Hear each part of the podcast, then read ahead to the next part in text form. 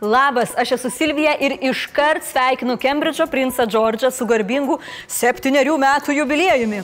O dar tiek žinių papasakosiu apie į VMI akiratį pakliuvusią Austėjos Landsbergenės įmonę, nesibaigiančias registrų centro bėdas, kaip keičiasi alkoholio vartojimo įpročiai ir į mus nusitaikiusius kinų hakerius. Mokesčių inspekcija tikrins konservatorių lyderio Gabrieliaus Landsbergio žmonos Austėjos Landsberginės įmonę Knowledge Investment, nors dar aną savaitę skelbė, kad to nedarys. Šio patikrinimo siekia valstiečiai, kurie įtarė per metus 10 milijonų praturtėjusią Landsbergių šeimyną nešvariais darbeliais. Prieš porą metų Austėja vos už vieną eurą įsigijo įmonę su žemės klipų kalnėnuose, mokyklos bei darželio statybai duona parduotuvėje brangiau kainuoja, o čia visa įmonė ir dar su sklypu. Todėl valdantieji kreipiasi į VMI ir FNTT su prašymu patikrinti, ar tik nėra čia kažkokia Ferrar mokesčių slėpimo schemutė. Nes, na žinot, tie konservatoriai, FNDT pranešė jokios aferos neižvelgusi. Dar prieš keturias dienas besidžiaugusi teisinė valstybė Austėja Landsberginė aplinkybėms pasikeitus Facebook'e tyli, o fondas pardavęs sklypą Landsberginiai išvelgia persigalvojusios mokesčių inspekcijos politikavimą. Už tai Ramūnas Karbauskis džiaugiasi, bet labai subtiliai. Netgi pasidalino ilgiausių įrašų Facebook'e. Tik ne apie mokesčius, o apie galimą asmens duomenų pasisavinimą ir viešinimą karalienės Mortos mokykloje. Matyt, tie gerų žinių ramūnai, nu nežino, nuo kurios čia pradėti. Ata, ata, ata, kurią čia. Nepaisant vakarykščių pažadų, per parą registrų centrui nepavyko pašalinti visų gedimų atsiradusių po pirmadienio liūties. E-sveikatos sistema toliau neveikia ir kada pilnai veiks, Niekas nežino.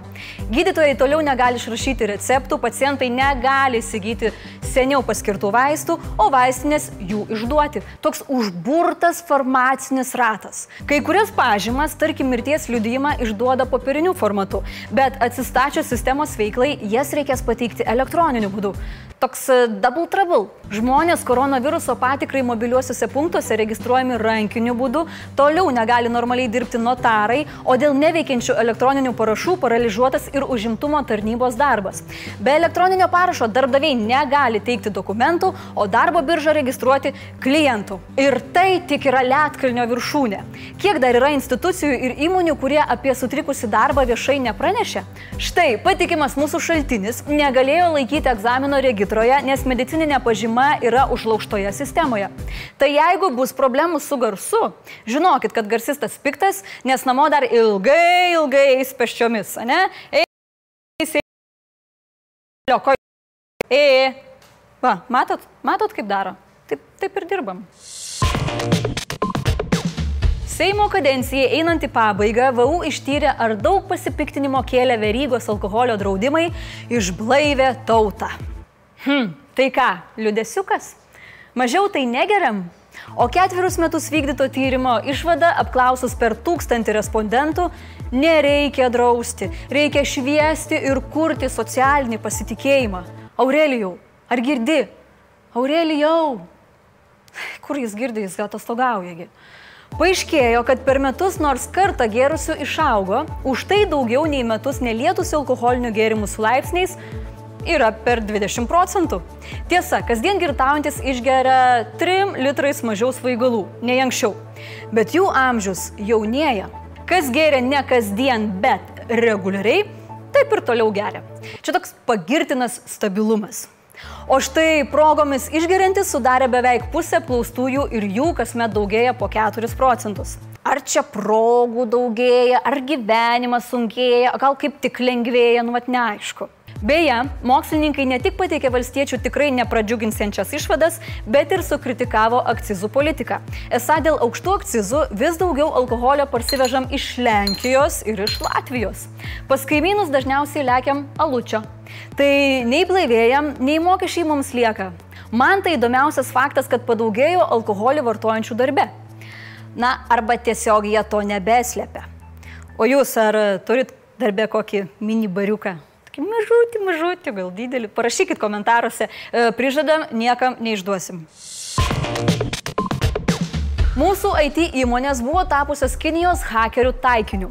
Apie tai pranešė JAV prokurorai, apkaltinę du Kinijos hakerius fogus duomenis iš įmonių net 11 valstybių, įskaitant ir Lietuvą. Du 30-mečiai kinai kibernetiniais nusikaltimais pasirodo užsiminėjo jau dešimtmetį, bet išsidavė bandymų atakuoti įmonės dabar kūrinčias vakciną nuo koronaviruso.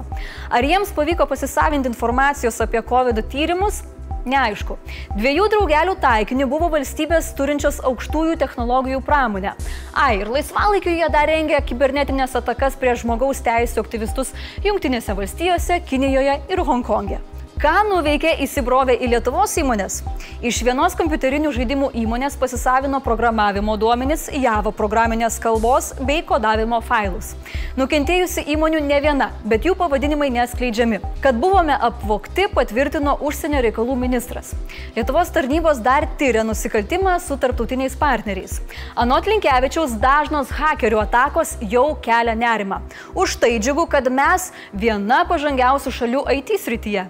Kelintoje vietoje pasaulyje esam nežinau, bet bent patenkam į Kinijos nusikaltelių top 11. Blitz naujienos.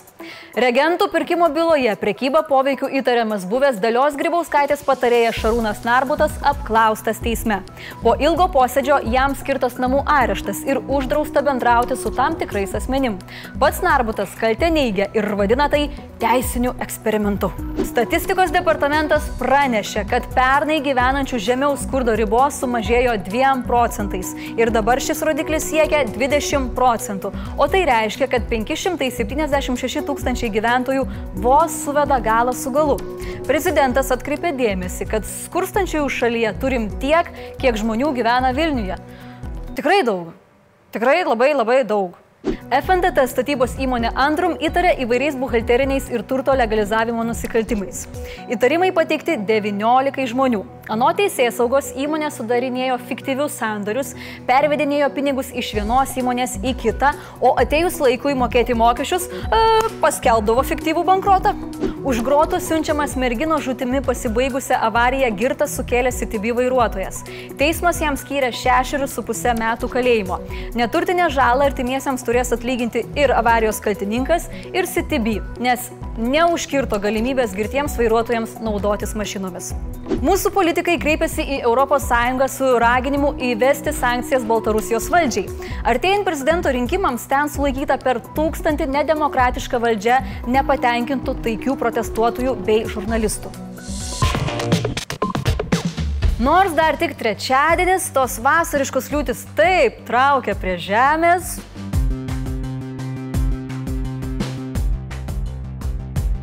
Ačiū, kad žiūrėjote, rytoj būtinai pažiūrėkite ir laidą su Dominiku Vaitekūnu, o aš sakau iki kito karto ir tiek žinių.